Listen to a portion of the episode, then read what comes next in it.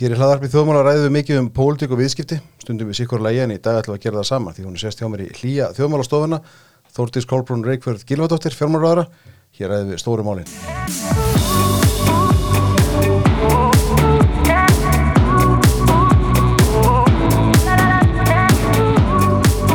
Þórtís Kolbrún, ertu velkominn. Takk fyrir. Takk fyrir að koma. Og fyrstu ánægju. eftir miðdegi Já, í þessu kalda veðri. En það er lít hér inni. það er lítið inni. Já.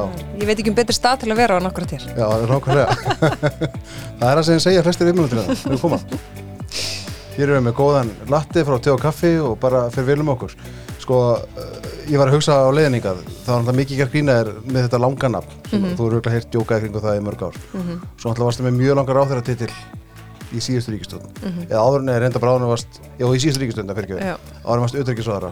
Þetta er nú bristaðið svona. Er Áslið Arna kannski búin að slá þetta með þetta? Já, getur verið sko. Ég náttúrulega, þegar ég var utaríkisáþara þá var það ennþá utaríkis og þrónar samvinnu ráþara og hérna við tókum það út. En svo núna Þórdís Kolbrún Reykjörð Gilvardóttir, fjármála og efnaðsáþara. Ég hef ekki talið en ég veit ekki hvort er, alltaf áslið vinn ekki samt í Já. lengt, ég hugsa það. Helgin fyrir þetta, tveil þetta saman. Já, okkurlega. Hvort er lengra? En hvað segir hann? Hvernig er staðan á, á ríkistöðinni þessa dagana? Það eru bara næg verkefni til þess að eiga við sko. Já, Um, veist, svo, ég, svo vægt sittur orðið tekið. já, og hérna, og janúar náttúrulega spilaðist ekkit alveg eins og maður svona kannski sá fyrir.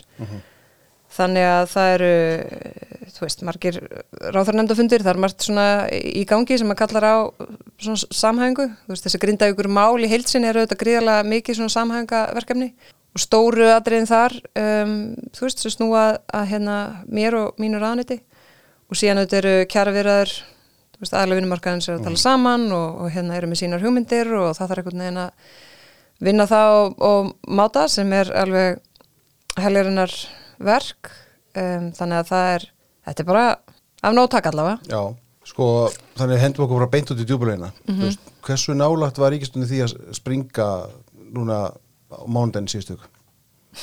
Já, ég skal, ég, ég skal orða spurningun öðruvísi. Við erum bara, við og fleiri, eða, meina, og þú, við kannski koma inn þá hér á eftir, meina, við, það er þetta mikið búið að ræðum, þú veist að það sé ósett í ríkistöndinni og mikið tekist á allt þetta, sem hefur alltaf verið í ríkistöndinum, þó að sé kannski meir áberðandi núna.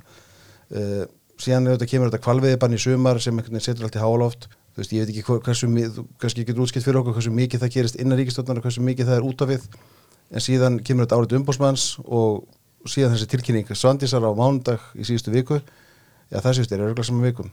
Þar síðustu. Og, og síðan hérna tilkynir hún auðvitað að hún sé farin í veikindalifi en þú veist, ég veit að það búið að ganga ímislega á þetta sko. Já, já, ég, ég meina okkar málflutningu bara allt frá því að ákvörðinu var tekin, veist, hann, við stöndum við hann og hann, og hann stendur og er svo sem bakkaður upp. Um, en ég veist, þetta fór bara allt eins og það fór og, og hérna og þá fara, þú veist, aflengar þessu öllu fara í ferli, ég meina Kvalur uh, leitar rétta síns og sækir um leifi og þú veist, þetta bara veginn heldur heldur áfram. Um, og ég held að þú veist, já, já, ég meina þetta var alveg það er alveg, auðvitað var það snúið ég meina, uh, þú veist menn höfðu alveg sagt sína skoðun á þessu öllu saman. Um, en eins og hluti stjórnarnarstöðunar var mjög skýr með líka að þá snýrist þessi vandrist til að ekkit uh, hjá öllum um Svandísi Svavastóttur eða hennar verk, heldur bara um ríkistjórnina það sem að hérna, minni hlutin vil meira hlutan frá og það er ekkit nýtt í því og ekkit sem kemur óvart í því. Þú veist, jú, jú, ég menn þetta var flókið og allt það sko, en við erum hérna í miðju verki og þú veist, ég lít svo á að, að hérna, þú veist, við hefum bara þurft að finna leið til þess að halda því áfram sko, en, en þú veist, sem sem betur fer kannski að þá hérna fyrir uh, veist, samstarfi á verkefnin að þá erum við á þessum stað núna, við erum bara en þá að vinna vinnun okkar. finna leið til að halda áfram sko. er, það, er það erfitt eða flókið Fyrir ríkistöndina? að halda áfram að vinna saman. Já, Nei, nei, sko, ég, ég þú veist, meina það eru, það eru ákveðin verkefni sem að við erum saminuð í að vilja leiða til lykta. Þú veist, það er ekki þar með sagt að við, ok, við höfum komið okkur saman um verkefni sem væri auðveldast fyrir okkur að leiða til lykta. Þetta er það bara verkefni sem að einhvern veginn blasa við, sem að er þá núna, þú veist, óvænt, svona þetta, þessi grindavíkur verkefni á stórum skala og ekki bara sem snýr að Grindavík heldur líka bara þessu sem virðist vera bara nýtt tímabil sem við erum að stíga inn í sem að, sem að er auðvitað gríðarlega mikið alvöru mál mm -hmm. veist, ef við erum bara að fara inn í tímabil næstu árum, ára og tögum og jáfnveg lengur sem er sko þá tímabil sem að áður var í veist, landi og samfélagsgerð sem við getum ekkit borið saman við núna sko. Mm -hmm. þannig að því leitinu til er það bara algjörlega ný staða. Og mér finnst sko gríðarlega mikilvægt að við sko svona siglum í höfn þessum stóru verkefnum til þess að, að svara fólki hvernig það getur haldið áfram með lífsitt og hvað er raunhæft að ætla að verði hérna, framhaldið í Grindavík að minnstakostum sinn.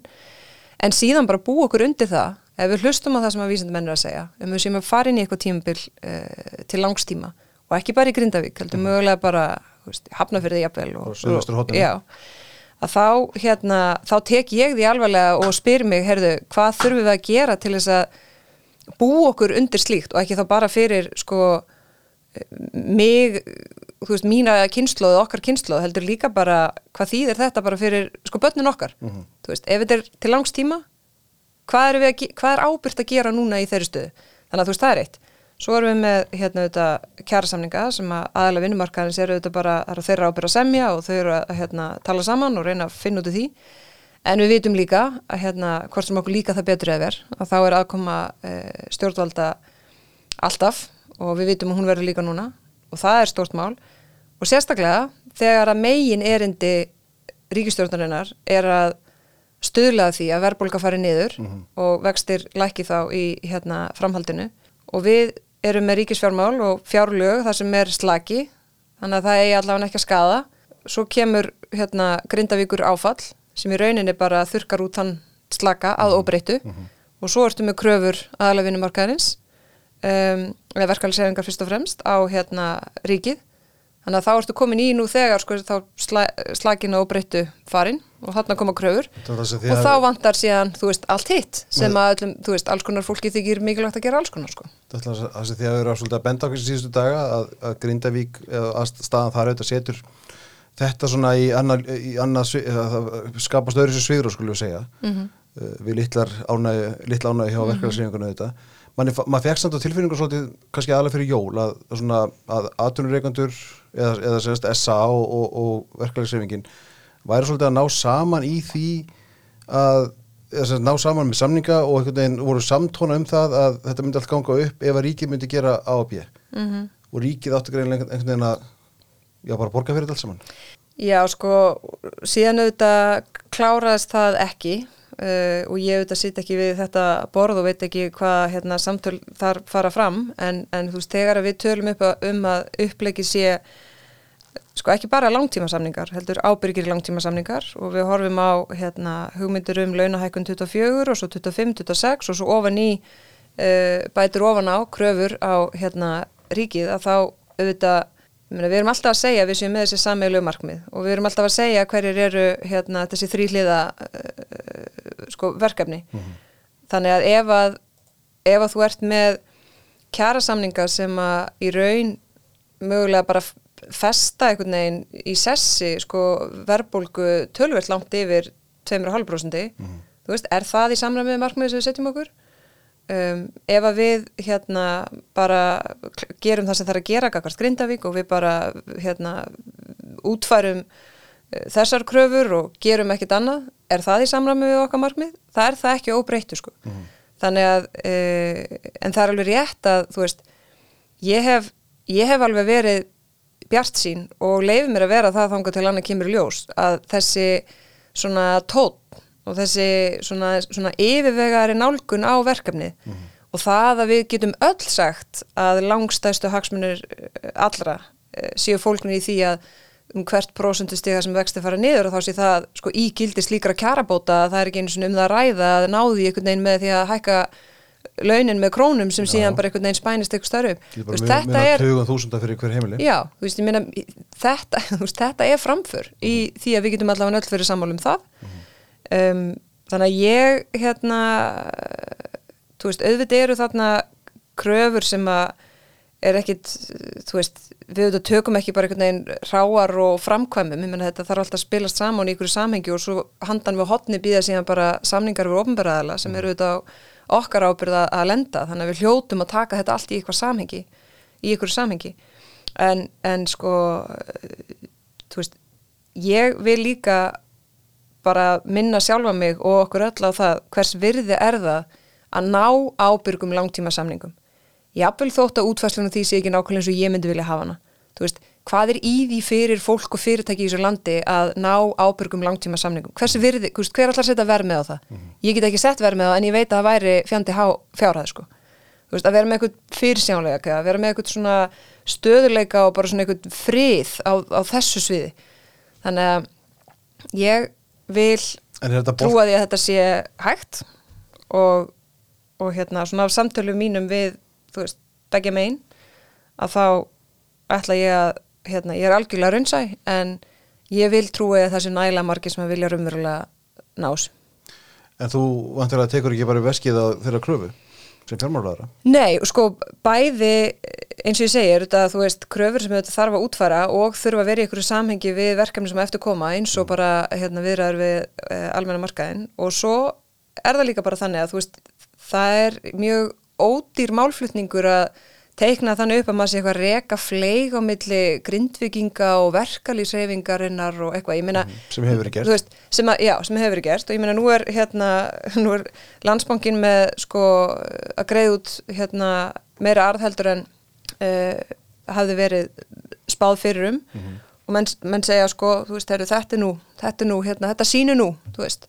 Það er ykkur sko 4,6 miljardar eða eitthvað og fara mikið um það, þetta breytir nú aldrei stöðinni að Ríkisbankin skuli vera í færum um að hérna, skila inn til Ríkisjós mm. þessum peningum sem nú svo sem bara fint í aðli sínu en á sama tíma er, þú veist, gert hérna, er manni gerður um ykkur annarlegir eh, hagsmunir eða kvatar eða hvað sko yfir því að benda á það að þú veist, 20 miljardar áfallar ástöfun, hamfarar ástöfun mm. hafi áhrif á önnur verkefni sem að Ríkisjóð, tekur á hendur sko, tekur sér hendur, ég menna, veist, þetta er nú fyrir mér svona bara frekar augljós, það, það, það breytir ekki því, það verður ekkit eitthvað síður mikilvægt að lenda ábyrgum langtíma samningum, mm -hmm. það er bara alveg jafn mikilvægt og jafnvel mikilvægara. En það bara er skrítið að halda þau fram en að það hafi áhrif, mm -hmm. þú veist, það, það blasir við öllum, það er augljóst, en við þurfum samt einhvern veginn að, veist, finna út úr þessu. Og ég vil trúa að það sé hægt. Ég ætla að koma að segja meira á ríkisfjármálun eftir. Þú er náttúrulega ekki ókunnu þeim þú er til dæra nýðan í fjármálaðar það er búin að vera ríkistöð það lengi en sko, hvernig er að vera samt í, veist, þessi staða það sem við erum að sífælt að ræða um og ég segi við bara umræðir í þjóðfélaginu um að þessi erfitt samstarf og allt þetta. Mm. veist, og mennur að spá fyrir um döða ríkistöðnarinn og allt þetta, ríkistöðnarslitum og, og góður sem er nota fyrir hann í töðunar er þessi umræða.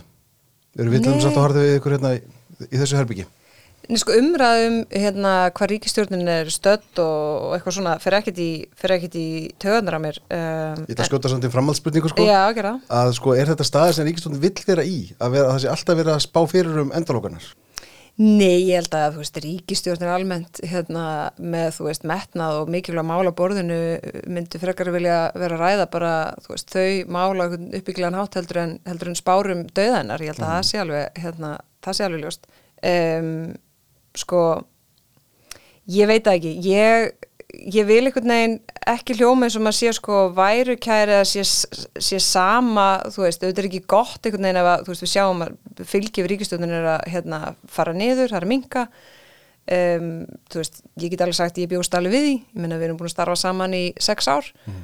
mikið til sama fólkið, þú veist, þetta er hérna sama hugmyndafræði sem er hérna baki sem að þýðir að sum mál er miklu auðveldara að vinna saman að, önnur mál eru erfiðari, þú veist það er ekkert nýtt að orkumál og útlendingamál og skattamál séu erfið fyrir þessa ríkistjórn, mm -hmm. það bara var annað mál fyrir sex árum, heldur það er sex ár líða af þeirri stöðu, mm -hmm. þú veist það er bara, það er bara einhvern veginn líkur í augum uppi, þú veist það lofaði mér enginn er eitthvað auðveldi allir er óksla peppaðir með mikið ríkistjórn í sjö ár, þú veist það er bara sex ár með þessari og svo hinn hin, hérna sem að liði stödd mm uh, þú veist það er alvöru mál að vera í ríkistjórn og maður, við bara lítum að þessi kringum okkur sko, hvar finnum við ríkistjórnir sérstaklega ríkistjórnir sem hafa kannski verið bara við völdi meira neitt kjörtíðanbíl sem eru með, í, í blúsandi vinsaldum og mm gengur greiðlega vel.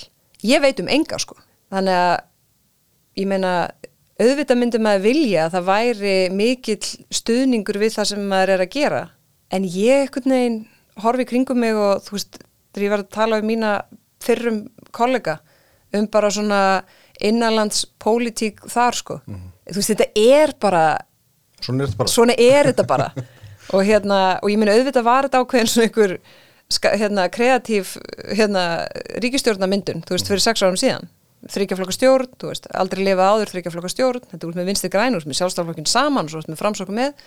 En þetta er alveg, þetta var alveg svona samfélags eh, tilraun, þannig að hérna, og þetta, þú veist, með hérna þrátt fyrir fylgi vafki á þeim tíma þá var, þá var Katrín sem formaður, ég menn hún naut mikils trösts hjá þjóðinni til þess að vera, fós, til þess að vera fósitsaður og svona. Þannig að þú veist, það, það, það, það byrjar þannig og það er einhvern veginn svona spenna á nægverkefni og eitthvað, svo bara er liðin sex ár. Ég einhvern veginn þú veist, ég vil bara ekki hljóm ég vil bara ekki hljómið sem að segja gera lítið úr því að þú veist, fólk einhvern veginn sé almennt ekki ánægt með störfi mín eða okkar. En, en ég bara þú veist, Hversu mikið takið inn á okkur gaggrinni?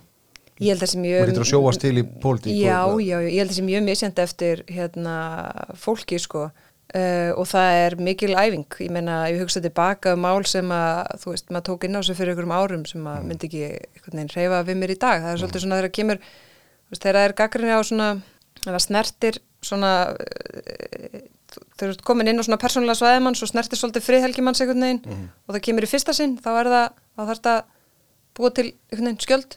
Um, en ég og svo er veist, sum gaggrinni bara fer bara einum eitt og út um hitt sko sem er einhvern veginn svona, þú veist, þegar hetju líklaborsins er einhvern veginn að slá um sig og telja sig þú veist, þeir eru með eitthvað svona eitthvað svona eitthvað punta sem einhvern veginn Já, já, bara útskýra sér sjálfur þú veist, það er allt annað heldur en að vera með svona harða gaggrinni frá fólki sem að, þú veist, veit, þekkir alveg þinn karakter eða veit alveg fyrir hvað þú stendur eða þú veist, þeir eru eitthvað svona sem finnst, þú veist, ekki sangjant eða eitthvað, en ég meina og hvað sko, þú veist, þú fer ekki í pólitík til þess að fá sangjanda meðferð, þú veist, þá velur þeir eitthvað annað að gera uh, en auðvitað langar mann alveg stundum að komast í debattinn og, og hérna svara fyrir alls konar hluti sko. Já. En ég myndur ekki segja að ég Þú nefndir þetta ríkistjónsanstar sem eru þetta mjög sérstæða mörgu leiti við erum með hægri flokk og vinstri flokk og, síðan framsótana inn á milli eh, starfandi saman. Eiga hægri menn eða ættu hægri menn að vera ánæður með þessa ríkistjón? Sko, ég svona gerir ráð fyrir því að þessu e, margir hægri menn einhvern veginn súrir og svektir yfir því að við séum ekki að, að hérna, gera e, nóg e, í, í okkar hérna, málum. En, en mér finnst bara mér finnst bara mjög mikilvægt að við hérna, spyrjum okkur sko hverju munar um okkur. Og ég hef alveg tekið þessu umræðu, þú veist, áður þar sem að, maður hugsaður, herðu, er það hérna, er það meiri háttar erindi að vera einhverju svona, einhverju svona damage control í, í hérna, einhverju skaminkandi aðgerðum í, í, þú veist, í pólitík. En ef maður hugsaður um, sko, málin og kannski sérstaklega málin þar sem að maður finnur alveg svona vaksandi óþreyju hjá hægrumönnum, gagvart. Um, þú veist, á ákveðin hátt fagna ég því að því ég hugsa allavega ok, það er allavega einhver hérna, þú veist, úti bara sem að er hérna að, að veit mann aðhald eða halda upp einhverjum sjónamöðum sem að Frá, frá hægri? frá hægri sem að mér finnst ekkit fara eitthvað ómikið fyrir sko, þannig að þú veist, ég fagna því alveg. Um, en stundum finnst mér þetta alveg vera orðið bara svona daldið svona, svona, ég ætla ekki að segja vætl en svona, svona daldið röfl þú veist. Um, en ég hérna að ég veit ekki, ég sko það sem þau eru helst, þú veist það sem hægri menn helst er að gaggrina um, hugsa ég sko ok, ef við erum sammálum að vilja gera miklu betur í þessu hvaða leiðir, þú veist, höfum við til þess að gera það? Og þá myndi ég nú segja að það væri þá helst til að, að hérna, fjölga þeim sem eru sömu skoðunar þú veist, og hvernig gerum við það? Já, við höldum uppi, þú veist, þessum sjónamöðum og við tökum umræðum um það, en við kannski við kannski leggjum ekki alveg hérna bara í van okkar að keira þá fáu hægri menn sem að, þú veist, nenna að standiði að vera raunaði yfir hvers skipt sem þú talar sem hægri maður í kaf allan tíman, skilur það er alveg, þú veist, það má alveg svona og ég er ekkert að kvart yfir því að maður sé gaggrindu fyrir eitthvað, ég er bara að segja þú veist, þessi mál sem að helst er óþreyja hérna, fólk verður svona með frústrusson gagvart að gangi ekki nógu hrætt og svona. Maður spyr sko hverjir aðrir eru að þú veist, ef ekki við hver þá? Hverjir aðrir eru að halda uppi þessu málflutningi? Þú veist, ef þú segir hérna já bara þessi ríkistjórn er ómöguleg já ok, ég meina ef við erum að leggja til ef við erum að leggja til að við förum í stjórnar andstöð til þess að geta að tala sjúklega skýrt og við erum bara með okkar hugmyndafræði algjörlega hreinu og bara geta hérna Já, sumir hafa lagt það til. Já, sumir hafa lagt það til og, hérna, og, og við því segi ég sko, ég er ósamála því að það sé eftirsokna verið staða, að ég sækist eftir því að komast í stjórnarnarstöðu til þess að geta, jú, tala rosalega skýrt og sagt mína skoðun sem að stundum er erfitt að vera í áhrifastöðu í ríkistjórn og get ekki nákvæmlega sagt það sem henni finnst mm. en bara comes with the job, sko, það bara fylgir starfinu en ef við, ef við, ef við sko lendum í þeirri stöðu þá auðvitað gerum við það best úr því og nýtum það skiljuð pólitíst, ég meina það er mikið margt hægt að gera og það er hægt að hafa, hérna, að hafa áhrif þannig, mm. en þú lítur að þú lítur að sækjast eftir því að vera hluti að framkvæmdavaldi og hafa sko geta haft, þú veist, raunveruleg áhrif einhvern veginn á gangmála og þessi stóru mál, hvort sem það eru skattar veist, orkumál útlendingamál eða það sem snýr svona kannski að hérna, hælisleitenda kerfinu Ég meina, hverjir, þú getur allan ekki hallaðar að þessu þingi, mm -hmm. þessum hinnum þingmennunum sem að, hérna, ekki eru í stjórnameiri hlutanum heldur í stjórnananstöðu mm -hmm. og sagt ég að það er þú sem að mynd kera þetta í gegn fyrir mig. Mm -hmm. Og það þá segir kannski okkur bara að við höfum verka að vinna að tala fyrir þessum borgarlegu gildum, að tala sem hægri menn, uh, fá fólk til liðs við okkur. Veist, af, hverju, af hverju skipt þessi, þessi hlutir máli, sko? hvernig eru við að tengja okkur við bara það hvernig fólk er að hugsa? Þú veist, erum við hérna ég veit ekki, ég meina maður fær náttúrulega gaggrunur öllum áttum sko já, já. þú veist, það vantar meira íhald það vantar meira hérna, frjálslindi maður reynir að tala sem svona eitthvað svona víðsýn borgarlega þengjandi manneskja og þá mann er sagt að, þú veist, hunskast í samfélkinguna og maður talar sem hérna þú veist, ég, meina, ég kann mjög vel við svona þið fallega íhald í sjálfstæðarflokknum á þeim máluflokkum þar sem ég finnst íhald eiga við og þá, þú veist, þá er hérna, mann er sagt að maður sé bara hlusta á þessa þú veist, eldri kallaði flokknum og mm. maður sé svona svona á eitthvað, þú veist, þetta eru þetta já, ég menna, þetta eru þetta flokkur sem að, eh, veist, inni heldur, hérna mörg svona alveg sjónar með en við erum samt með eitthvað þráð sem hefur alltaf verið ofinbera lindamál svona velgengni sjálfstæðarflokksins, mm. það eru þessi svona grundvallar gildi og þessi svona borgarlega þengjandi nálgun á að, hérna, þú veist, kostum það eru bara svona grungildin, þú veist, verðmætasköpunin, hlutverk ríkisins og þessi sjónamið eiga alveg á brattan að sækja. En þá þurfum við líka að spyrja okkur sko hvernig getum við náð betra árangrið mm. þú veist, hvað erum við að gera til þess að, að hérna, fjölga fólki sem að eh, tengir, þú veist, við það? Um, og það eru þetta bara margir sem hafa mjög svona vondar hugmyndir um það til dæmis bara hvað sjálfstæðarflokkurinn er og fyrir hvað hann stendur. Mm. Þannig að þú veist það er alveg, það er alveg verk að vinna sko, en, ver, en verkefnið er að fjölga svona borgarlega þengjandi fólki hægrumönu sem nálgast samfélagið á okkur svona mannuskilegan og raunsegan hátt um það hvað þarf til. Mm -hmm. Ég veit að það getur oft verið snúið og ég meina ég þekki það alveg að vera röfli einhverju þingmannum yfir einhverju málum og svo og, og, og fæ ofta á skýringu, já þú veist ekki hvað ég gerði í þingdunum, ég stoppaði þetta mál þar og hérna, þú veist, gott og vel sko og ég veit alveg að þannig er það oft en, en það gerir voða lítið, það gerir fyrsta lega voða lítið fyrir fylgið mm -hmm. og öðrulega þá, þá sko, já ég var að tala um að þú veist, signalið sem að hægra menn fá mm -hmm. að það er, ekkit, það er ofta ekkert mjög skýrt endilega sko. Mm -hmm.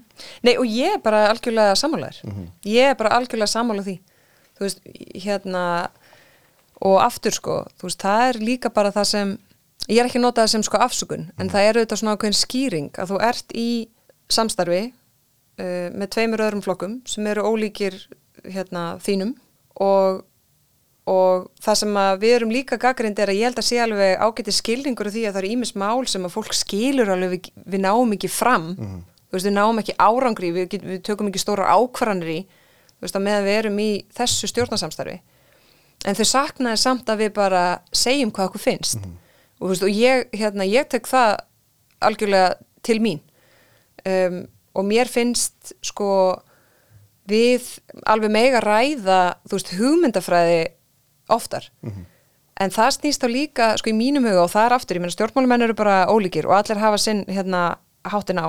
Uh, en þú veist eins og, eins og bara gagast mér því ég heyri stundum, ég menna þú ert ekki nægilega þú ert ekki nægilega afgerandi. Þú veist, þú verður að taka slægi og svona Jú, ég menna, ég hef alveg tekið slægi en ég er ekkit feimið það að segja, herru, ég bý ekkit í slægi til þess að taka þá. Þú veist, ég er ekki að sækjast eftir að taka slægi en ég er ekki hrætt við að taka slægi en hluti af því að vera, finnst mér allavega mín tegund af stjórnmálumanni er er, er líka bara við sko að leysa verkefni þannig að þau verði ekki vandamál. En ekki að búa til vandamál til þess að leysa þau til þess að sína hvað þið finnst. Og það er ósýnileg vinna kannski og það er leiðandi, þú veist, ert ekki alltaf að fá kredit fyrir það. En ef maður spyr bara, þú veist, hvernig gengur? Hver, hver, er, hver er útkoman af þínum störfum?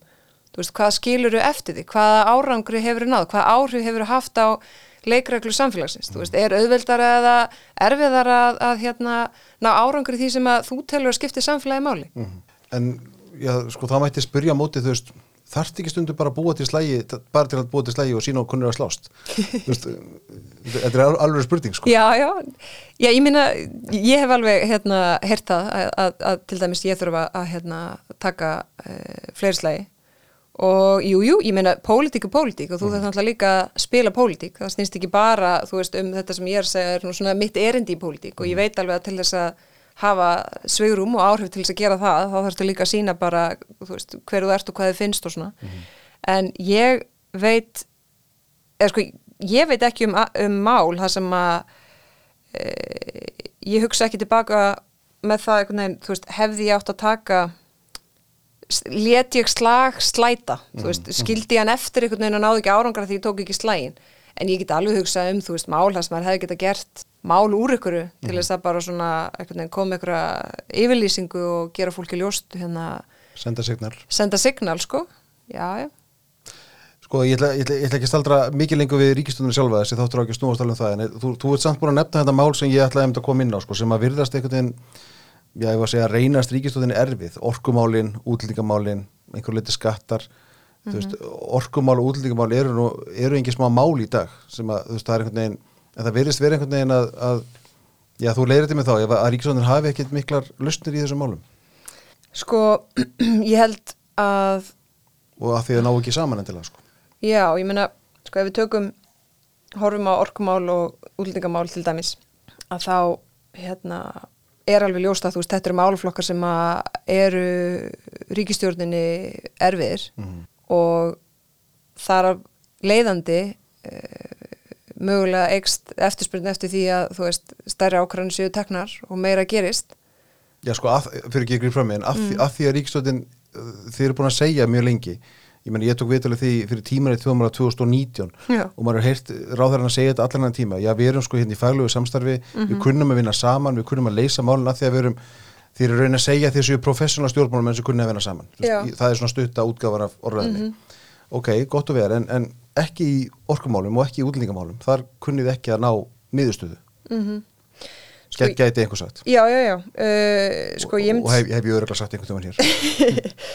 Já, sko, við þessu myndi ég nú segja, hérna, þú veist, við, við, við myndum ríkistjórn sem að fjekk uh, stert umboð bæði þar síðustu kostningum og í síðustu kostningum og mér finnst þar innan bors vera fólk sem að tekur þá ábyrð, uh, þú veist, alvarlega. Gaggrín á það að þessi málflokkar sem þú nefnir að þeir hafi ekki hérna gengið næla einhvern veginn hratt ákvarðan að taka og svona uh, þróun þeirra ég bara segi, þú veist, ég á við því uh, ég hérna, skil þá gaggrinni bara mæta vel um, og þess vegna þess vegna líka þarf maður að sko bæða átt að segja á hvernig hlutinni þróast og í hvað stöðum við erum núna en minna líka á hvar við vorum, bæði fyrir sex árum og fyrir rúmum tveimur árum. Mm -hmm. Vist, fyrir rúmum sex árum myndu við þessa ríkistjórn þar var hérna, mikil umræðum kjaramálin hvort það væri bara ekki algjörlega óraunhæft að ná okkur um kjarasamningum um, þú veist, það tókst við erum að hérna, komin á komin á góðan stað eftir, þú veist, það er stöðleikaframlag og það eru alls konar hlutir eftir hrun og við erum svona bara, hérna, koma okkur á fætur og gengur vel. Uh, við tókum meðvita ákvörðunum að fókusa til að mynda þá á flutningskerfi rávorku, ymmit af því að það var bara mjög erfitt að ná saman um orku framleyslu. Mm -hmm. Það var að nóg að taka ekki hvort vekja, þannig að við sögum, ok, þá bara skulum við ná saman um flutningskerfið. Og þar vorum ákvörðuna stórar flutningslínur uh, hólasandslína kröplína og, og hérna fleira. Uh, blöndulína, þú veist, það gekk fínt. Uh, svo kemur hérna myndu við aftur ríkistjórn og áfram eru þá orkumálin uppi. Og það er bara sámáluflokkur ásand myndi ég að segja útlendingamálum. Um, erfiðustu málum fyrir þessa ríkistjórn mm -hmm.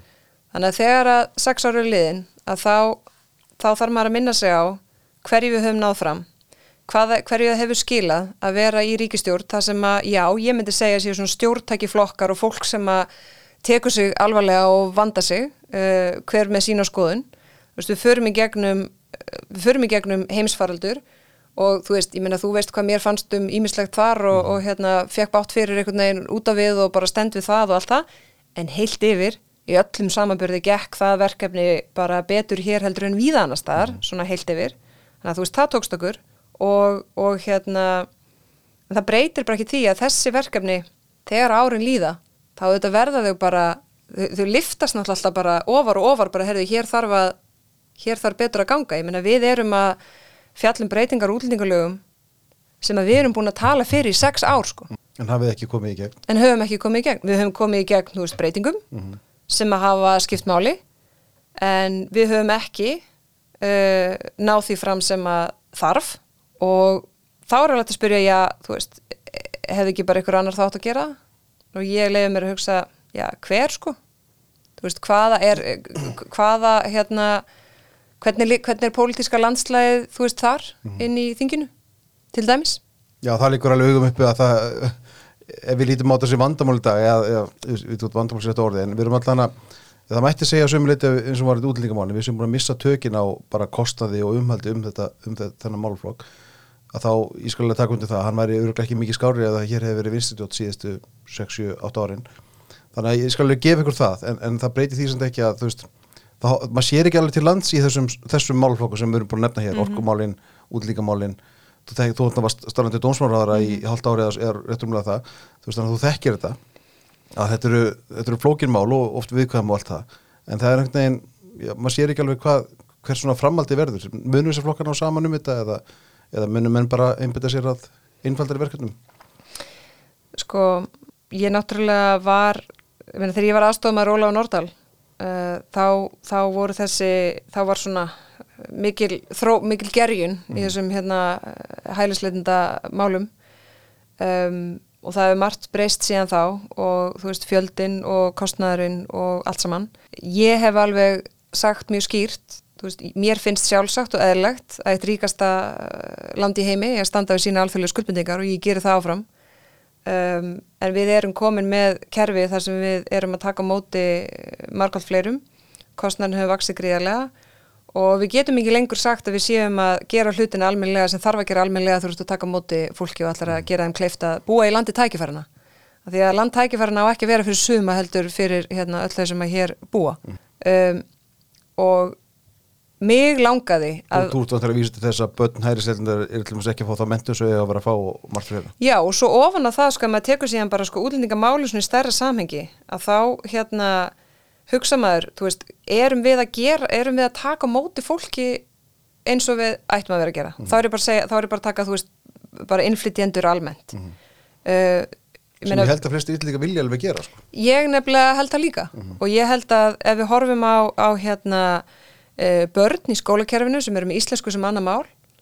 Veist, þeim, þeim gengur ekki eins vel og við myndum vilja.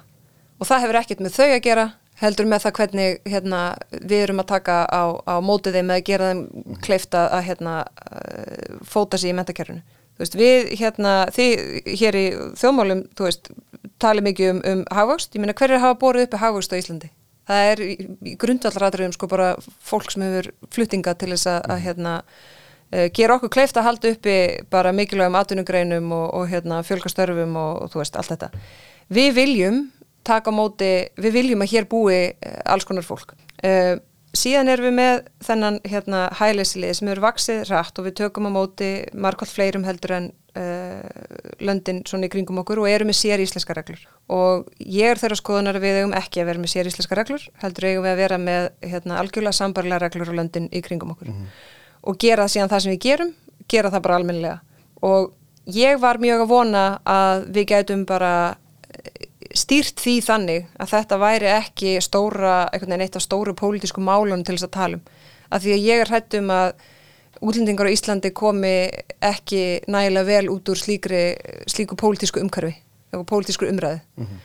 um, en það þýðir að núna erum við komin á þann stað að það, það bara við verðum að gera breytingar á lögum og framkvæmt og ná hérna betri, svona, ná betur utanum þetta um, til þess að líka bara passa upp á það að við séum það samfélag sem við viljum vera og við séum að taka móti fólki sem að hinga um, flytur eins og við viljum gera. Já, já. Við ætlum aðeins að bregða okkur á Arnarhól í fjármálarándið. Mm -hmm. Hvernig kannu við í þau rándi? Frábærlega. Um, frábærlega. Þetta er, og ég held að sé bara í grunninn, þú veist, þegar ég tek að mér verkefni, þú veist, þá vil ég gera það með svona yfirvegum og örugum hætti og vanda mig mm. og læra hratt. Og þú gengur inn í ráðniti sem að þetta finnum mér alveg fyrir því að, að hérna, ég er búin að vera í ríkistjórn í sjö ár. Um, þetta er fjörða ráðniti mitt það eru margir málaflokkar sem að allt fer í gegnum svolítið svona fjármála ráðniti þetta er svona mm. lestastöð, það er alls konar uh, mál og verkefni og svona og maður kannast við mjög margt að þessu. Og það er líka mjög margt nýtt að læra.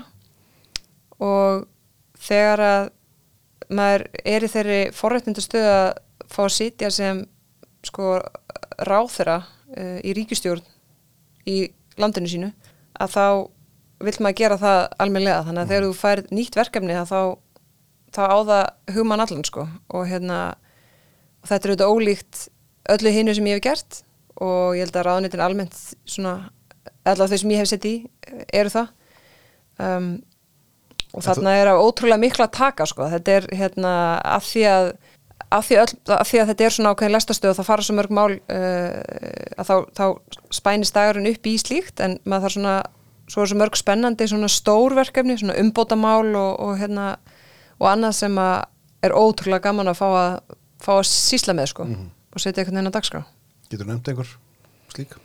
Já sko við náttúrulega erum með ákveðin svona forgarsverkefni sem að hérna, verða stór eins og það klára að selja Íslandsbanka mm -hmm. um, sem er í algjörum forgangi við erum með Það er þannig? Já, já, mm -hmm. það er þannig Við erum með uh, þessi svona umbótaverkefni þá er það kannski að maður horfir á bara veist, hvar, á hvaða eignum situr ríki sem ríki á ekki að sitja á. Mm -hmm og ég veit alveg að í þessari ríkistjórn þú veist, munu ákveðin mál ekkert fljúa þar í gegn sko. En það, það þýðir ekki að þú getur ekki vera að pöngast í því, það þýðir ekki að þú getur ekki undirbyggt eitthvað og, og hérna, vera að vinna eftir, hvort sem að það er það, veist, selja postin mm -hmm. eða hérna svona fleiri viðkynni það að einoguna veslu ríkisins á áfengi sé kannski ekki framtíðar fyrirkomulag eða, eða snjált framtíðar fyrirkomulag. Um, veist, í fjármálaræðundin eru þetta bæði gegnum hérna, frangatasíslu frangatasíslun og annað þá ertu náttúrulega með gríðarlega mikið magna bara fastegnum sem að ríki sýtur á og svona hlutir sem að hugsa bara herðu, veist, ef við ætlum að grísja og taka til og fókusa á það sem að ríkið á að sinna mm -hmm. veist, þá hlýtur að leita alltaf að leiða til þess að losa ríki undan samkjöfnisregstri og losa við eigni sem aðra eru betur til þess fallir að bara halda utanum og búa til ykkur verðmætti með að umbreyta alls konar eignum sem að ríki situr á sem ætti að nota í annarkort bara einhverja beina hérna, e, bara fjárfestingar í einhverjum innviðum sem að skipta þá bara allan almenning máli mm -hmm.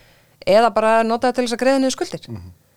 og í fjármálagöndun er náttúrulega ótrúlega mörg slík tækifæri. Ég það er þess að staldra í Íslandbóka að þú mm -hmm. nefnir það hérna, þú, þú sér fyrir að það veri farið í þá sölu og vantilega þá bara þessu árið eða hvað? Ég legg á það mikla áherslu að, að hérna, klára það verkefni mm -hmm. og sannarlega á þessu ári um, þetta er ekki þetta þarf ekki að vera mjög flókið mm -hmm. Sér þið fyrir almennt útbóð eða eitthvað þannig? Eða? Ég sé fyrir mér almennt útbóð uh, algjörlega opið og mm -hmm. bara uh, hérna, sem allur almenningur hefur kost á að taka þátt í mhm. eins einfalt og, og við getum um, það sem bara hérna, eins gagsætt og við getum um, við höfum auðvitað það hefur verið rætt að við erum allir með verkefni sem við kallum íelsjóð sem er meira hátta mál mm -hmm. Um, Þú fara svolítið í fangið sem nýra á þeirra Já og hérna ég veit á þessu stíu vitum við ekki hvernig það þróast og, og hérna, getum ekki drætt það hérna eitt á dýftina sko en, en hérna það hefur þetta alveg verið nefnt að hvort að það væri ykkur leið að, að hérna gera þannig með hlutabref mm -hmm. og hvort það er eitthvað hægt að fara í ykkur skipti e, slíki hlutir bara komið ljós en, en megin hugmyndin er bara hérna, einfalt, gagsætt opið útbóð fyrir e, almenning til þess að, að hérna, losa okkur undan þessu eignarhaldi og sem hefur í ákváðurhuf á ríkisfjármáli Mm -hmm. En ég kannski fæja þá að kasta tíðin bolta í framhaldan af þessu sko, því að við erum að tala um bankakerfið. Ég, ég hef enga trú á því að ríkið selji landsbankan allan ekki þessu kjörtembili og hérna, þó er eftir að gera það, ríkið á að gera eitthvað banka. En, og það, mér skilst að það sé í eigandastefnu ríkisins að ríkið ætla ekki að eiga 100% í landsbankanum mm -hmm. um okkur tíð, reyndar á ní, hvað, 98,5% eða maður rétt. Mm -hmm. uh, ég hef sterkar heimilt fyrir því að landsbankin hafi vissi eitt er að fyrirtækja sem hafi bóðið í tryggingamistuðinu eða TM sem er núna í eigu kvíkubanka og þetta er sölu. Er það hlutur ríkisbankars að kaupa tryggingafélag? Hvað, hvað segir svo sem heldur á hlutabriðinu? Já, ef þú veist að spyrja mig hvað mér finnst um að stór tryggingafyrirtæki í enga eigu verði ríkisfyrirtæki þá veit ég alveg að þú veist svari við því mm. hvað mér finnst þú það um, öðru leiti, ég menna ég er ekki með ég bara heyrst það sem að þú hefur heyrst og, og hérna eigandastefnan er varandi eignarhald á landsbankanum þar, þar er talað um eigandastefnum um 40% eignarhald þessi ríkistjórn er ekki með á dagskrá að, að hérna selja hluti í landsbankanum en eigandastefnum talað þannig þar, mm. þar, er, þar er rauninu bara sagt að það megi markmið ríkisins í að greiða niður skuldir og auka rými til þess að standa undir ofnbyrju þjónustu en ekki vera með allt þetta fjármag bundið í, í hérna í fjármálakerfunu. Um, og þanga til að þá hérna nýtur ríkisjóður góðs á því að fá argæslur bankarna inn í, í ríkisjóð mm -hmm.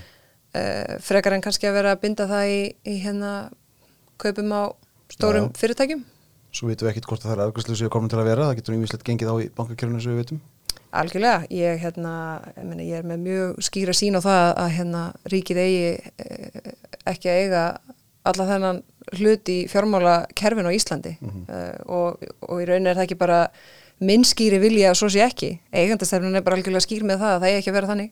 Þannig að ég myndi fyrir ekkar vilja að við verum að, að hérna, taka skrefi að losa okkur eh, undan því heldur en að stakka verkefni. Mm -hmm. Já, ég ætla að þess að koma inn á annað sem að þú hefur verið gaggrind meðan hans hér við þetta borð og annar staðar að eitt af þínu fyrstu verkefni sem fjármálar var að leggja nýjan skatt, svo kallan það sem við kallum grindeikoskatt mm. uh, hvernig svarar þeirri gaggrinni?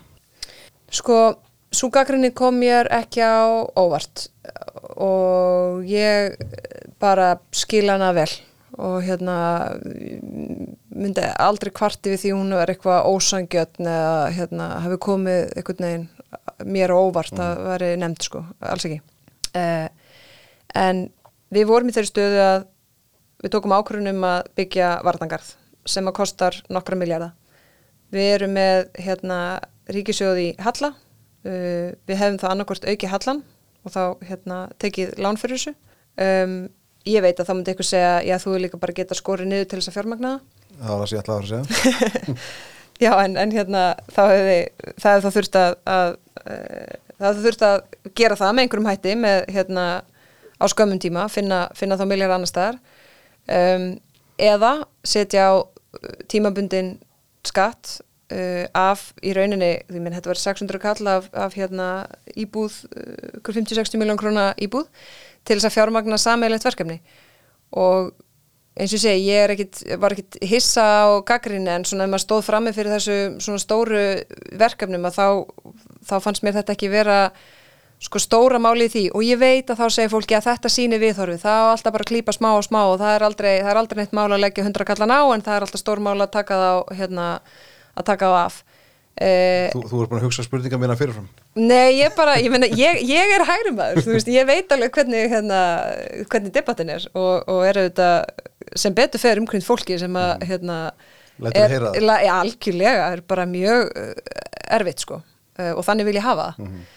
um, en, sko mér finnst stóra máli verið þetta, við getum talað um sko ríkisrækstur og, og hérna hæraðingu og ég vona að við komumst aðeins bara í það líka hvað hva hægt er að gera og hvað mér finnst.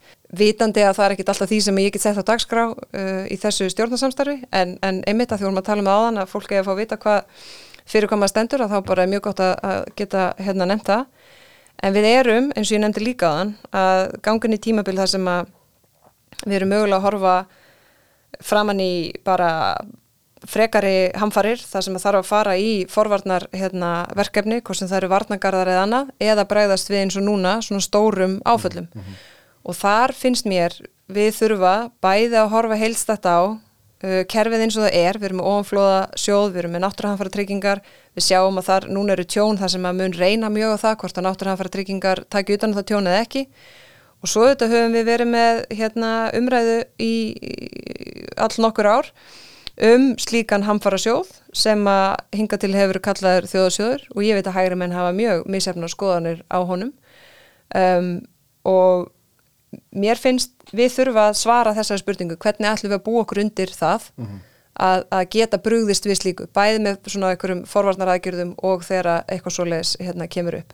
Og þá finnst mér eh, varnagarða gjald upp á einhverju hundrakalla ekki vera stóra máli í því þótt ég skilji algjörlega punktin með gaggrinni sem er bara að það er prinsip að það er að finna aðra leiðir til þess að fjármagna nýtt verkefni sem kemur upp heldur en að, að hérna, hækka skatta ég er ekkit ósamála því en þegar þú þarfst að hlaupa stað og fjármagna eitthvað verkefni og þú ert með ríkisjóði halla eftir COVID og þú ert, þú ert í hérna e, með aðrar hinnir valkostunir eru heldur ekki frábærir að þá finnst mér ekkit brjálaðslega ósangjant að þau sem að eiga fastengnir í landinu tipin okkur um hundraköllum til þess að standa sameila að þessu verkefni varnangarum sem að munu hafa bóra árangur og, og eru komni til að vera og við sjáum til dæmis í bara hættum að þetta fyrir hérna svartstrengi bláa lónið uh, horfum áhættum að þeirra að þá, þá er þessi varnangaru gríðarlega mikilvæg til þess að geta bara halda áfram verðmættasköpun þar en vera ekki eins bersköldu og voru að hann kom upp. Mm -hmm. En er ekki vandamála að stjórnbúrmenn skulle tala um skatta sem, sem, sem þannig að það, fólk getur bara tippað inn einhverju hundraköllum? Jú, sko... Að, að því ég held að það snúist, sko, þetta snýst að mörguleit um það að maður fyrir að velta fyrir sér, veist, við erum með að reyka ríki, við erum með ríkisóð mm -hmm. og, og við erum með þessi stórverkefni og ríkisóð er ekki með halla núna eins og nefnir uh, síðan koma upp alvöru mál, bara það er heilt sveitafélag sem að fólk getur kannski ekki búið í og það er fyrir þessi gífulega mikið áfall fyrir samfélagið og fyrir ríkisóðu auðvitað, því að það er, það, ég þess að þetta er saman um það að það, það vilja allir gera sitt þar mm -hmm. á saman tíma eru við að sóa ríkisfjármætni í alls konar drastl rúf mm -hmm. og ég veit ekki hvað og hvað alls konar stopnarnir sem þarf ekki þú veist þannig að það er og, og þú getur ekki nefnt verið það, það er ákveðin sóun í ríkiskerfinu og þetta fyrir maður að bera þetta saman sko. við, við, við, erum að, við erum að reyka þetta ríki hérna svo þegar kemur upp alveg vandamál þá alltaf eigum við ekki peninga þau eru búin að eiga um einhverja vittlesu sko. mm -hmm. ég er að setja fram með einföldum hætti en... Já, nei, en já, ég er veist, ég er ekkit ósamálan eins og þú segir sko. mm -hmm. og hérna ég meina ef þú horfir á eignina sem að ríki sittur á þar sem við bindum fjármagn almennings í. Hvort sem að það er Íslandsbanki eða alls konar fastegnir eða umsöf í hérna, einhverjum ákveðnum rekstri, þú veist, við rekum fríhöfn, við, þú veist, Ísafi er 100% stegu ríkisins. Mm -hmm. við erum með bundi fyrir í póstunum og fastegnum út um land, þú veist, við erum með áfengisveslun ríkisins. Þú veist, er ég þurfa skoðan að væri hægt að finna þrjá miljard eitthvað starf þarna til þess að fjármagna varnagarð að sjálfsögðu. Mm -hmm. en þegar við stendum bara fram með fyrir verkefninu það þarf að hlaupast það í varnagar, það þarf að fjármagnan um, ég tel það hafa verið óraunhæft að hérna, það hefði annars endað í uh, bara auka hallanum þessar þrjá miljara og það kannski segir okkur bara meira þá, þú veist, er það er það eðlilegt að það hefði verið þannig? Nei, ég menna ég er algjörlega sammálað því að það sem að ríkið á sinna á ríkið að gera almeinlega. Ef ríkið á að vera eitthvað tímandi staðar þá er það þar að til að mynda að verða náttúru hamfarir já, í landi eins og Íslandi. Mm -hmm. veist, og það er ekki vandamál fyrir mig. Þú veist, vil ég að lögreglan sé almeinlega fjármögnu? Að sjálfsögðu. Þú veist, það eru ákveðinu hlutir sem að ég myndi miklu frekar vilja að ríkið væri að gera enn betur mm -hmm. og, og hætta hinu. Sem að hluta til er eitthvað en þarf ekki að sinna núna sem er að hluta til eitthvað sem er svona bara næs, svona notalegt, það er þægilega kannski að ríki sinni því, en það þarf ekki. Þá finnst mér að ríkið ekki að gera jafnvel þó sé óþægilega eða eitthvað millibils ástand sem er að finna út úr. Sumt er ríki, sumur ríki að sinna bara því það er pólitísk hugmyndafræði sem að mér finnst stundum bara að vera krettur alveg eins og vinstrumönum finnst mín hugmyndafræði stundum vera krettur, þá finnst mér sumt að þessu bara vera pjúra krettur að hérna ríki þurfi að gera. Það er, það er sóun hjá ríkinu og hún bæði fælst í því allt frá því á hvaða eignum við sitjum þar sem við erum í samkjömsækstri og eigum ekki að vera um, í hérna aflegging af bara lögum um réttind og skildur og ofnbæra starfsmanna um, í óþarfa yfirbyggingu að því við erum með 164 stopnarnir í landi sem að telur ekki 400.000 mm -hmm. hver ætlar að halda því fram að þetta litla samfélag þurfi 164 stopnarnir ég ætla ekki að halda því fram veist, og hvað held ég að það verði bilding ef við saminuður? Nei, en tel ég sjálfsagt og eðlilegt og almenn kurtisi við hérna, almenning sem að borgar fyrir þessu stopnarnir að það sé gert? Já, mm -hmm. veist, er hægt að minka yfirbyggingu? Er hægt að hætta verkefnum? Veist, þetta er, þetta er, það er, og, og tökur bara innkaup Já, ég, sem er svona pólitíst svona, ekki sexy að tala um hérna innkaup, en ég er bara pínu komið innkaup á heilan sko, mm. af, því að, af því að ég hugsa bara, herðu hvað er hægt að gera með því að besta það hvernig ríkið sem er risastór kaupandi kaupir inn og sinnir innkaupum? Þú veist, við erum með hérna, við erum með, sko, við sitjum á gögnum þar sem að við ættum að vera betri að koma út. Þú veist, við erum búin að gera gríðarlega góða hluti í, í hérna, með stafræn Íslandi, ég er bara svona stafvæða alls konar hluti, við erum að hérna, fljúa upp slíka lista.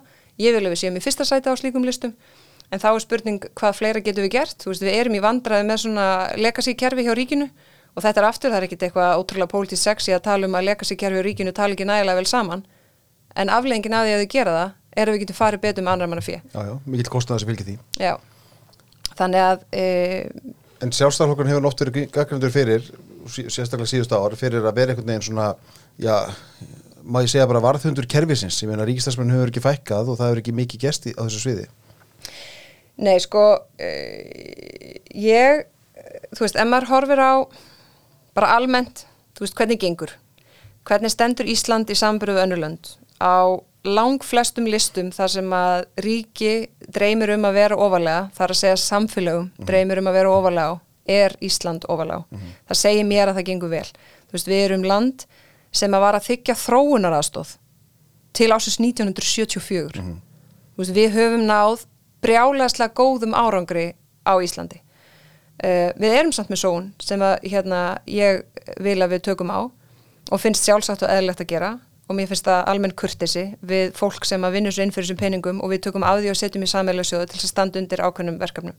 Samneislan hefur ekki vaksið uh, og ég veit að ég heyri sjóna með þeirra sem að, hérna, eru mjög á þeirri skoðinu við séum uh, allt sé að blása út en, en, en staðrindinu svo að samneisla hefur ekki vaksið þegar þú horfir á bara vegna þess að verklandsframleysla hefur hérna, bara vaksið mikið. Um, á það að vera mark með að það haldist í hendur? Að sjálfsögðu ekki, en það er bara ágætt að halda því til haga, þannig að þrátt fyrir að alls konar eh, starfsfólki hafi fjölgað og ímislegt hafi vaksið, að þá þetta hefur samfélagi líka stækkað. Og, hérna, og það, mun, það mun gera það áfram. Svo er það auðvitað þannig þegar við horfum á, ég ger greina mun á sko bákni og bákni, veist, það að það er, ég meina það er til að mynda augljóst að við munum þurfa að fjölga sjúkraliðum í landinu. Og ég myndi ekki segja að það væri bákn að fjölga þeim, skilur, það er bara við erum, ef við horfum bara á öldru þjóðar ef við bara lítur á það að á næstu sko örfá árum mun 80 ára og eldri fjölga um sko 28% á meðan að börnum sem fæðast mun fjölga um 3% það segir sér sjálft að þú veist þetta mun kosta uh, í þessu félagstöðu þetta gríðarlega lífskeiði fyrir fólk og þetta er meira hátt að framför fyrir okkur sem samfélag en þessu fylgja mjög stór verkefni. Og þegar þú ert með alltaf þessu ofnböru, þegar þú ert með alltaf þessa þjónustu sem að hérna, íbúar á Íslandi eiga rétt á að geta gengið að í höndum hins ofnböra þá auðvitað fjölgar ofnböru starfsmönnum þegar að veist, fólk er eldast og okkur fjölgar. Fullt af, sko hluta þeirri þjónustu sem við erum að veita finnst mér grundvallar atriði að svo þjónustu þessi veitt. En það er hérna mikill miskilingu finnst mér og mér finnst að kretta að það sé skilir því að það sé hefð ofinbera sem að hérna, veiti þjónustuna. Við eigum að tryggja það að þjónustan sé veitt. Við eigum ekki að tryggja það að það sé, hún, sé, henni sé, hún sé veitt af hennu ofinbera. Við eigum að fara í útbóð til þess að tryggja það ymmit að við séum að fara sem best með annar manna fjö og að við köllum til fólk sem að hefur metnað og er að skapa nýja lausnir og er að finna nýja leiði til þess að gera betur einmitt til þess að mæta þessum áskorunum og við eigum, að, við eigum að gera það og þannig þá líka uh, demparu fjölgun ofnbjörða starfsmanna af því það eru þá bara sjálfstæðir atvinnureikundur sem að við kaupum þjónustaf eins og við gerum í vegakerfinu og eins og við gerum bara mjög víða. Og eigum að sjálfsögðu líka gera í mentakerfi eða í hjúkurnaþjónustu eða í annari e, nýskapandi velferðar þjónustu sem mun reyna meira og meira á og verður auðvitað bara, verður atvinnugrein á Íslandi. Og ég vona að svo atvinnugrein verði ekki bara á hendi hins ofnbera mm -hmm. en þú sem einstaklingur sem býrði í þessu landi átt rétt á þessari þjónustu en þú átt líka að hafa valum það hvar þú kaupir þá þjónustu alveg eins og þú ræður hvar þú fer til hérna talagnis eða hvar þú lætur skoða bíliðin eða hvað annað sem þú ætti að gera sko. mm. Já, já, ég ætla að koma núna að, hérna, að sjástarflótum aðeins, ég myndist það hérna styrla hann. Þú ert náttúrulega að vara fór maður sjástarflósis. Uh, í nýjasta þjóðapósi Gallop er flokkurna meilast með 18% fylgi sem er lágt í sögulu samingi. Á sama tíma er samfélkingina meilast í, í hvað? 30,6% fylgi mm -hmm. og hefur verið að rjúku upp. Hvað skýrir þessa stöðu sjástarflósins? Ég held að sé samblanda mörgu sko, ég menna það er að hluta til þessi þætti sem við höfum að ræða að fólk uh, finnst við ekki tala nægilega mikið og setja á dagskrá mál sem að hérna, þau vilja heyra. Þreita með ríkistjóðnarsamstarf, um, alls konar aðrir, þú veist þættir, ef ég væri með skotilt svar við því að þá, þá hérna, væri ég uh, í góðum málum. Um, ég held að við þurfum að tala skýrar um það sko, fyrir hvað við stöndum en ég held líka við þurfum að fá það skýrar fram um, fyrir hvað aðrir flokkar standa sko. Og að því hún nefndir samfélkinguna, ég meina þú veist, Kristrún kemur nýinn og hún gerir þetta mjög vel uh, og, hérna segir lítið? Já það er kannski það sem að þú veist, ég hérna myndi vilja auðvitað heyra skýra sko. Um, þú veist, hún hérna talar fyrir uh, herri sköttum. Uh, hún tala fyrir útblásnari tilfæslukerfum um, og hún talar auðvitað fyrir hugmyndafræði sem er mjög vel þekkt sem að ég er bara ósamala uh, við erum, þú veist, ég held að við séum sammála um sko ákveðin markmið um það í hvernig samfélagi þú veist við viljum búa. Menn að mér finnst ekki óþægilegt bara í eina mínúti að tala um mikilvægi velferðarkerf á Íslandi. Mm -hmm. af því að fyrir mér er þegar ég segi Íslandi að vera landtækifærina sem var nú kostninga slagord hérna, uh, þá, þá, þá meina ég það að fólk eigi að hérna, til þess að við getum sagt að, að Íslands í landtækifærina þá þýðir það að það þarf að vera, allir eigi að hafa sko tækifæri til þess að blómstra. Mm -hmm. og, og það þýðir að þú þarft velfærakerfi en við erum mjög ólíka leiraði hvernig það er gert. Um, en, en þú veist, hvað finnst henni nýju samfélkingu um raunverulega, um orkumál um uh, málefna hælsleitenda um, um ákveðna verðmæntasköpun, um atvinnulífið, uh -huh. uh, um ákveðna stóðir í atvinnulífinu um, og svo framvegs. Þannig að hérna, ég veit ekki, þú veist, ég, ég menna þetta er, það er sannlega áhugjefni, mælingar sjálfstæðarflokksins í skoðanakonunum, en, en þú veist, ég myndi ekki segja að það væri til, til þess að, að, hérna, að fara á taugum uh -huh. og... Hvað er svo þröskuldur? Hvernig fyrir flokkur á taugum? Eða fórustans? Sko, það er bara það er svo skemmtilegt við pólitík hvað þetta er svona lifandi dýr, mm. þú veist, það er bara það er allt mögulegt í pólitík sko. hlutinni geta breyst svo hratt og á meðan, ég segi alltaf fyrir mitt leiti þú veist, á meðan ég brenn fyrir það sem ég er að gera og veit fyrir hvað ég stend og veit hvaða erindi, þú veist, ég hef sem hérna fórustumæður í sjálfstafloknum uh, þú veist, auðvitað ekki formaður en fórustumæður og, og hvaða erindi mér finnst að sjálfstæðarflokkurinn hafi í íslensku samfélagi þá, þá veit ég mm -hmm. að það er hljómgrunnur og það er hérna, það er meir en 18% sko landsmanna sem að eiga að eiga samleið með því sem að sjálfstæðarflokkurinn stendur fyrir. Eh, en þá þarf að spyrja sig sko hvað erum, þú veist hvað erum við að segja eða gera eða vinna eða setja á borðið eða hvaða hugmyndir hefur fólk um sjálfstæðarflokkin mm -hmm uh, hvaða trúveruleika hefur hann í ákveðnum málum? Þú veist það er þessi þættir sem við þurfum auðvitað að líta inn á og hugsa herðu, þú veist þetta er ekki eins og við viljum hafa hvað er hægt að gera í um, og hluta því er snúnar að gera í þessu stjórnarsamstari og við vitum alveg hvaða mál það eru og annars líkt en, en hérna en aftur sko, ég menna veist, við erum að sinna alvöru verkefnum sko og, og hérna, og meðan við erum að gera það að þá uh, vil ég trúa því að með því að sína fram á árangur og sína það að þú takir þessu alvarlega og, og hérna sért með svona skýra línur um það hvert þú vilt að Ísland fari og hvernig verkefni, hvernig þú nálgast verkefni og hvernig þú leysir verkefni að þá, veist, þá, þá líður mér vel með að bera það á borð. Líka þegar ég meiri segja þegar að maður finnur alveg að, að hérna, stuðningur skoðanakonum er ekki eins og maður vil hafa hann af því að ég vil trúa því að, að, að hérna, þegar á reynir og við náum, veist, við berum það undir því að það eru þetta bara einn skoðanakonum sem gildur og það eru kostningar já, já. og, og hérna hvena sem að þær verða þá uh, vona ég að ég verði þáttakandi í þeirri baráttu og hlakka útrúlega mikið til að eiga samtali fólk um það hvert við stefnum og, og af hverju við erum að þessu sko.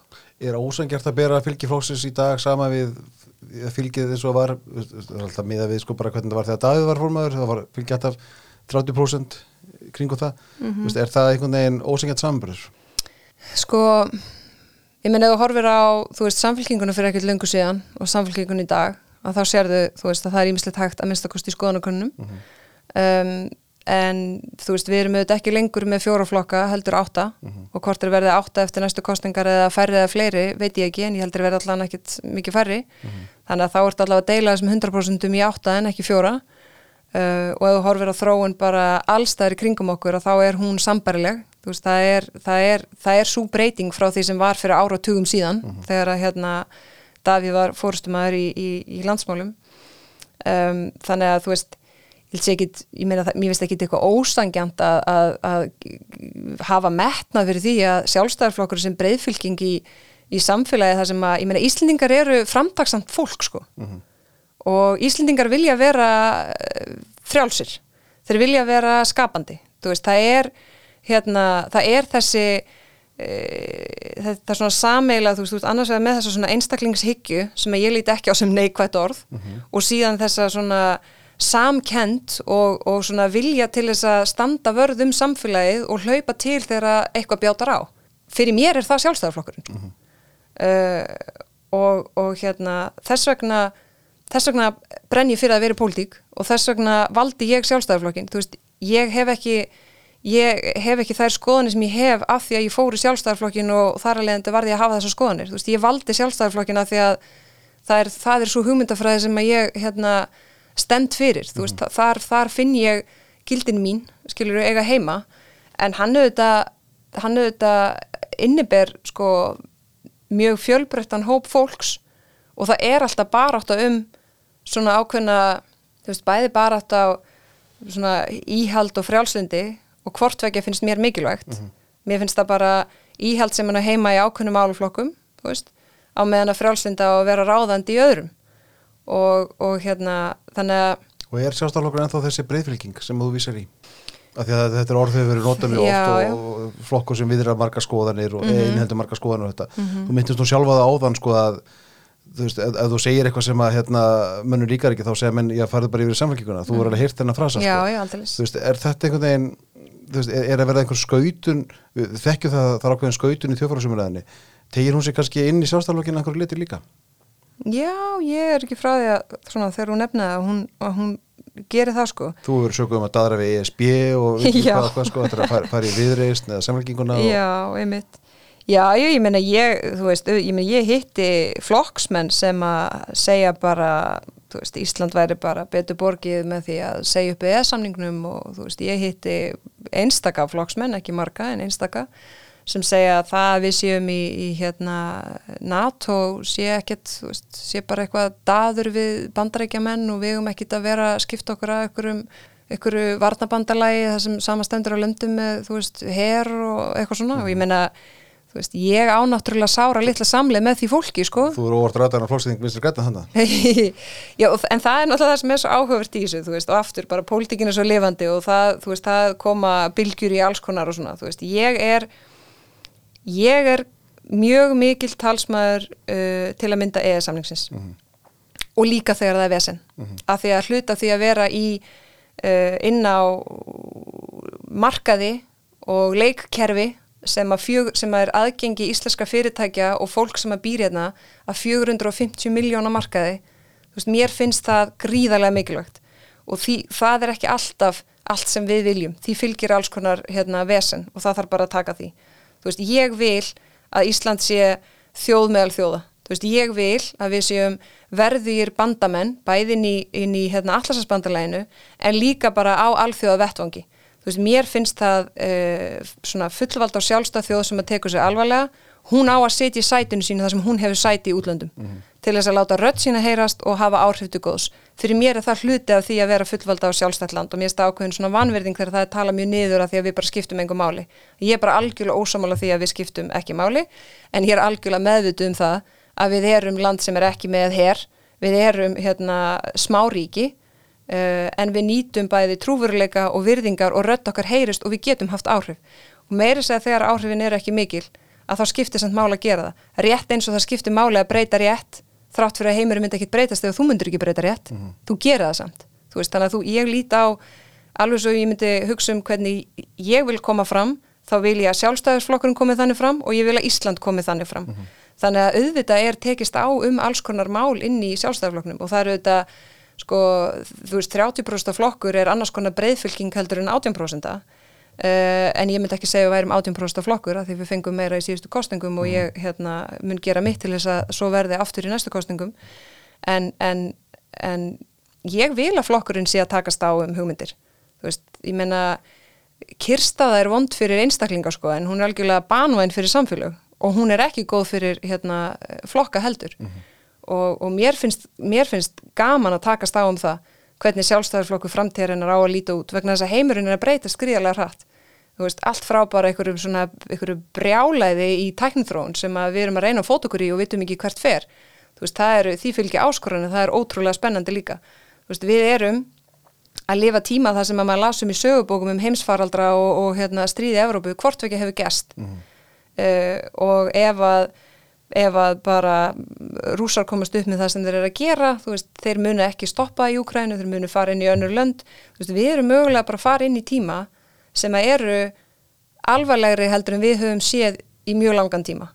Og, og þá finnst mér skiptamáli að, að ekki bara sjálfstaflokkur viti hver hann er heldur að Íslandingar viti hver hann er og ég vil að umheimurinn viti fyrir hvað Ísland stendur. Mm og ég vil að það sem að við stöndum fyrir verðu ofan á í því hvernig við byrtumst öðrum löndum og hvernig við tökum þátt og hvernig við ætlum að fóta okkur í því einhverju nýjum veruleika sem að ég er mjög hrættum að verði myrkari heldur en við sjáum hérna núna, því miður. Mm. Ég vona að sé ekki þannig en ég er hrættum að verði þannig og þá finnst mér ég skulda börnunum mínum og, og þeirra kynnslóð það að, að við búum okkur undir slíka tíma og gerum það almennilega. Svo þurfum við að horfa bara á hvaða tækifæri höfum við hérna, þú veist það er alltaf hægt að líta á glasi hálf tómt eða hálf fullt sko. Veist, við búum í landi þar sem við höfum þvílíkt landflæmi. Veist, við erum með hérna reynd vatn, við erum með reynd loft við erum með framúsgarandi sjáur út og heimsvísu við erum með hérna nýja stóð sem er fiskeldi sem er óbreytum mun bara stór auka útflutningstekjur okkar við framleiðum miklu meira prótin heldur en við neytum nokkuð tíman mm. Veist, við erum með nýja stóð sem er ferðarþjónustan sem að gera það verkum að það er skemmtilega heima hérna og, og skapar þvílíkar gældaristekjur og hefur gert okkur kleifta að viðskiptajöfnur og all, allir þessu hlutir er í miklu betra standi.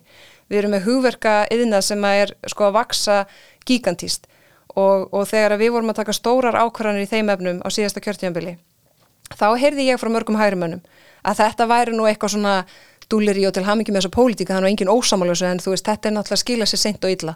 Og ég gerir sjálfráð fyrir því að þær ákvarðanir myndu skila sem í ákvæðum hætti eftir mörg ár. Mm -hmm. en við höfum síðan nú þegar að þetta er bara búið að breyta Íslandi og við höfum öll tækifæri til þess að vera algjörlega framhúsgarandi áfram í nýsköpunum umhverfi. Þannig að þú veist, þegar við erum hérna kvarta yfir ykkurum eh, hvort sem það er ykkur einstaka hérna gjaldahækkanir eða stöðun á vinnumarkaði eða það sé ómikil vinstri mennska í allri pólitískur umræðu eða verkefni sem er einhvern veginn allt ykkur heim fyrir utan náttúrhanfarir þá eru allar okkar áskaranir heima tilbúin luxusvandamál mm. í öllum samanbyrði og mér finnst hérna það, sko, mér finnst þau þurfa að minna okkur á það uh, hvar við umverulega stöndum. Og, og þegar að hérna við erum að hugsa um veist, þetta eina prosent sem margir hafa skoðun á veist, Ísland er eina prosenti þurfa að horfa á heiminn sko og ætlum við að, þú veist, gera það best úr því? Ætlum við að standa vörðum það sem við höfum? Veist, ætlum við að vera bara bjart sín, þú veist, Ísland ágættir menn hafa bent á það Íslands í gullega og ég ætla bara hérna, að gera það mínum orðum sko. Ísland er algjör gull eiga við erum í, í hérna, framúsgarandi stöðu til þess að gera meiri háttar hluti og, og þá, þú veist, við getum alveg klúðra því um, þú veist, við þurfum að grípa þessi tækifæri, við þurfum að passa það að fólk vilji koma til Íslands til þess að fjárfesta, við þurfum að passa það að ríkisfjármjölu sé í lægi, við þurfum að, að hérna að, að að passa það að, þú veist, framlega næga orku til þess að skapa verðmæti, þú veist, ég vil alveg að við kaupum minna af olíu til þess að, hérna, nota gjaldarinn í það og nota framlega okkar eigin vöru og nota hana, en ég ætla ekki að vera óraunsæi að, að hérna, svo tæknithróun stendur ekki fellum með Íslandi þannig að ég er heldur ekki til í að kosta bara hverju sem er í ykkur, svona, ykkur loslagsverkefni sem eru kannski óraunsæ að minnst okkur stennum sinn. Um, en þú veist, Getum ekki heila þáttundi það? Já já. Og þú fengið marga góða gesti til þess að ræða þau hérna mál. En bara sko hafandi komið úr utarrikiðsandunni þar sem að maður var hérna eins og sumir hægri menn hafa skoðanir á, maður hafi verið í útlöndum uh, utan ríkis sem utanríkisáþra að þá, þá, þá er maður algjörlega meðvitaður um sko að maður hefur ekki hérna, það stendur ekki fellu með því sem ég segi eða Ísland gerir, eða leggur til eða kýs, eða hvað. Uh, en þú tekur í samt alveglega og ég laði mig 200% fram við það sem ég gerði og, og er, og er hérna, ótrúlega stolt af mínum tveimur árum í utanríkisáðandinu uh, en svo kemur þau heim og tekur við hérna, fjármála efnaðsáðandinu og fólk segir, þú veist ég meina þetta eru þvílíku verkefni, þetta eru miklar áskoranir. Og ég hvernig horfa á þessu verkefni og segja bara, já já, en þú veist þetta er allt undir okkur komið sko. Það er undir okkur komið að leysa þau, þú veist, við getum gert það, ef við hugsa um allt sem er í gangi, sem við höfum enga stjórn á en erum ekki ónæm fyrir, eða samfélagin þar sem að, þú veist, fólk myndi gera allt til þess að ráða því sjálf hvort það geti leist verkefnin, þá bara þú veist, þá þá er ég bara svo þakklátt fyrir að heima hérna sko og ég er bara svo þakklátt fyrir samfélagi sem við eigum hérna með þú veist kost, kostum þessu og göllum og vandamálunum sem blasa við sko. En þau eru bara þau eru bara heilt yfir svo lítil í öllum samverði og þannig tekið svona kannski, þú veist, þannig tekið náttúruhamfarir út fyrir svega því ég veit ekki hvað er að fara að gerast. En við búum þó í samfélagi þar sem að, þú veist, 1% lendir í hamförum og 99% þurfi ekki að spyrja sér tvisar hvort þau ætla að standa með þeim sko. það er heldur ekki allstað þannig. Já, já. Eftir þessa miklu eldráði væri ég til að ljúka þetta en ég ætla að halda aðeins áfram. Við ætlum að fara aðeins á léttari nótundar Ok. sko, sko, hugmyndir á þjóðmála kom saman á kringlunni til að undirbúa þáttinn. Og þá fórum við aðeins að velta fyrir okkur hérna, þetta á svona tónlistin þar. Og þá komum nokkar spurningar sem að ég ætla að demba á þig. Right. þetta er óundirbúið um, eins og allt annað. Fyrirtækjaskatturinn, hann var hækkaður um 1% á þessu ári. Verður hann lækkaður áttur um áramótin? Hann var tímabundileg eins ás, já. Já, og það er bara þú, þú fullir það að hann verður lækkaður? Í- er þetta ekki hraðaspurningar eða? jú, Já, ég meina hann var tímabundileg eins ás já, og ég hérna gerir ráð fyrir því að fólk standi við orðsýn með það. Já. Og ég mun allavega gera það. Kemur þú greina að selja 49% hluti ríkisins í landsverkjun og eða í Savia? Mér finnst algjör eðlismunur á landsverkjun og Ísafja um, flestir flugvillir eru þannig að, að það er annað eignarhald heldur en ríkisins og ég væri, uh, ég er mikill talsmaði þess að við nýtum það til þess að reyka betur flugvill og vera ekki með allt það fyrir sem bundir í Ísafja og setja í eitthvað annað sem að nýtist almenningu í Íslandi. En landsverkjun vil ég standa vörðum. Mhm. Og það kemur ekki til greina að selja eins og minnluta þar, í landsverkjun til dæmis til lífyrirsjóða. Af öllu öðru sem að hérna, e, ríkið ætti að, að losum eh, hlut í og þá, þá myndi ég setja landsvirkjun uh, mjög neðarlega. Bæði út frá bara verðmætana sem að felast í því að framlega rásku og líka bara út frá pólitískri uh, sátt. Hér kom spurning á það hvort að ríkið þarf, þarf ekki hið ofnbæri að vera þáttakandi kjæra vöruðum eða að komast á þjóðasátt. Við erum alltaf bara að fara aðeins yfir þessu málin en þú veist, sko þjóðasátt, við, já, við getum rétt það enda meira. Mm. Því svo ertum ofnbæri starfsmenn sem eru, þeir eru ekkert andilega að tala um sérstaklega þjóðasátt. Ég veit að stjórnvöld munu þurfa að koma að því að, að hérna, til þess að kjærasamninga náist uh, en, og, en, en, það, en það hversu mikið er eh, hversu stóran þátt stjórnvöld eru alla jafna í kjara viðræðum það finnst mér ekki heilbriðismerki uh, á vinnumarkaði en það er ímislegt í vinnumarkas svona mótili og umhverju sem er ekki heilbriðismerki og þegar ég heyri uh, aðra flokka tala um að vilja vera eins og Norrlöndin þá segi ég bara endilega en gera það þá líka bara eins og Norrlöndin það kallar á breytingar á vinnumarkas mótili Heldur betur. Kemur þóttur Kolbrún til með að færa sig í söðvestikjörtumi? það er oddviti í Suðvesturkjörtumi Það svarið. já, Hann er kannski ekki alltaf. Nei, nei Ég er hérna, auðvitað, búin að búsið í Kópói lengi og, og hérna, en, en, en það er ótviti í Suðvestu getum við Í framhald af því, Ía eða Breiðablík Oh my god. Nostalgían og hjartað og heimahagar segðu þetta í að en hérna börnum mín bæði eru í körubólta, fóbólta, sundi og fimmlegum og sónum minn uh, er náttúrulega með sitt annar lögheimili mm -hmm. hjá Breiðablík mm -hmm. og ver miklu meiri tíma þar heldur en nokkuð tíman hérna, heima hjá sér og gengur í öll störf þannig að Breiðablík er eiginlega nánast jafn mikið að alup són minn mm -hmm. og ég sjálf og hérna hjálpunum að verða sjálfstæður og, og hérna góður og gegn samfélagstek sem að sem að fær viðkenningu fyrir það að gera gagn mm -hmm. sem að mér finnst það mikilvægast sem að við höfum að hugsa, hvernig ger ég gagn í mínu samfélagi og mér finnst við að ræða það meira og mér finnst við e, vera farin að gera þetta aldrei lítið úr því og horfa bara á hvað réttindu við höfum en ekki hvað ábyrð við berum mm -hmm. þannig að út frá, út frá því þá hérna sem að íþróttastar getur Já, og ef ég segi hvað með börnin þá, þá hérna, verði ég eiginlega að segja verði ég eiginlega að segja eh, breðablík en ég veit að get ekki þú, veist, þú tekur ekki, þú tekur ekki aldrei þú, þú veist hvernig það er, þú tekur ekki, tekur ekki ég verð alltaf skagað maður sko Já, já, já, já. já ég þekki þetta sjálfur hafandi allast upp í keflaðik og verandi núna í fram með alla krakkana þar, það já. er nóg að gera Lóka spurning, hvað verður að gera og verður ekki pólitík?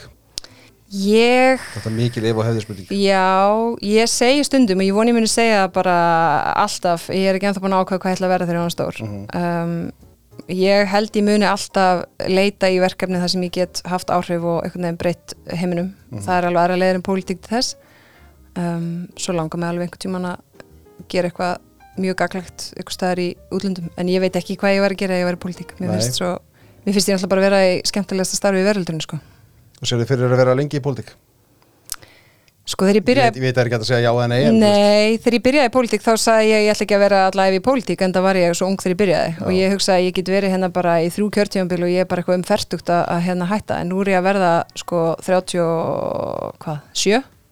Það ekki, jú, e, í nógumber. Um, á meðan mér finnst þetta, þú veist, ég er ekki á leiðin úr pólitík vona ég en það er auðvitað heldur ekki undir mér komið hvernig það gerist. Já ég ætla ekki að vera í marga marga ára tíu í pólitík en ég er nú þegar búin að vera í, hú veist, eiginlega tíu ár. Já, þetta er fljótt að líða. Þetta er rosalega fljótt að líða en þetta er náttúrulega algjörlega meirháttar, þú veist. 17 ára dísu á skaganum hefði aldrei trúið því að, að ég fengi allir þessi tækifæri til þess að, að hérna hafa áhrif og láta gott að mig leiða, sko. Já, Já það voru lokvarinn Já, já. Tóttir Skorbrún, takk fyrir komuna. Takk.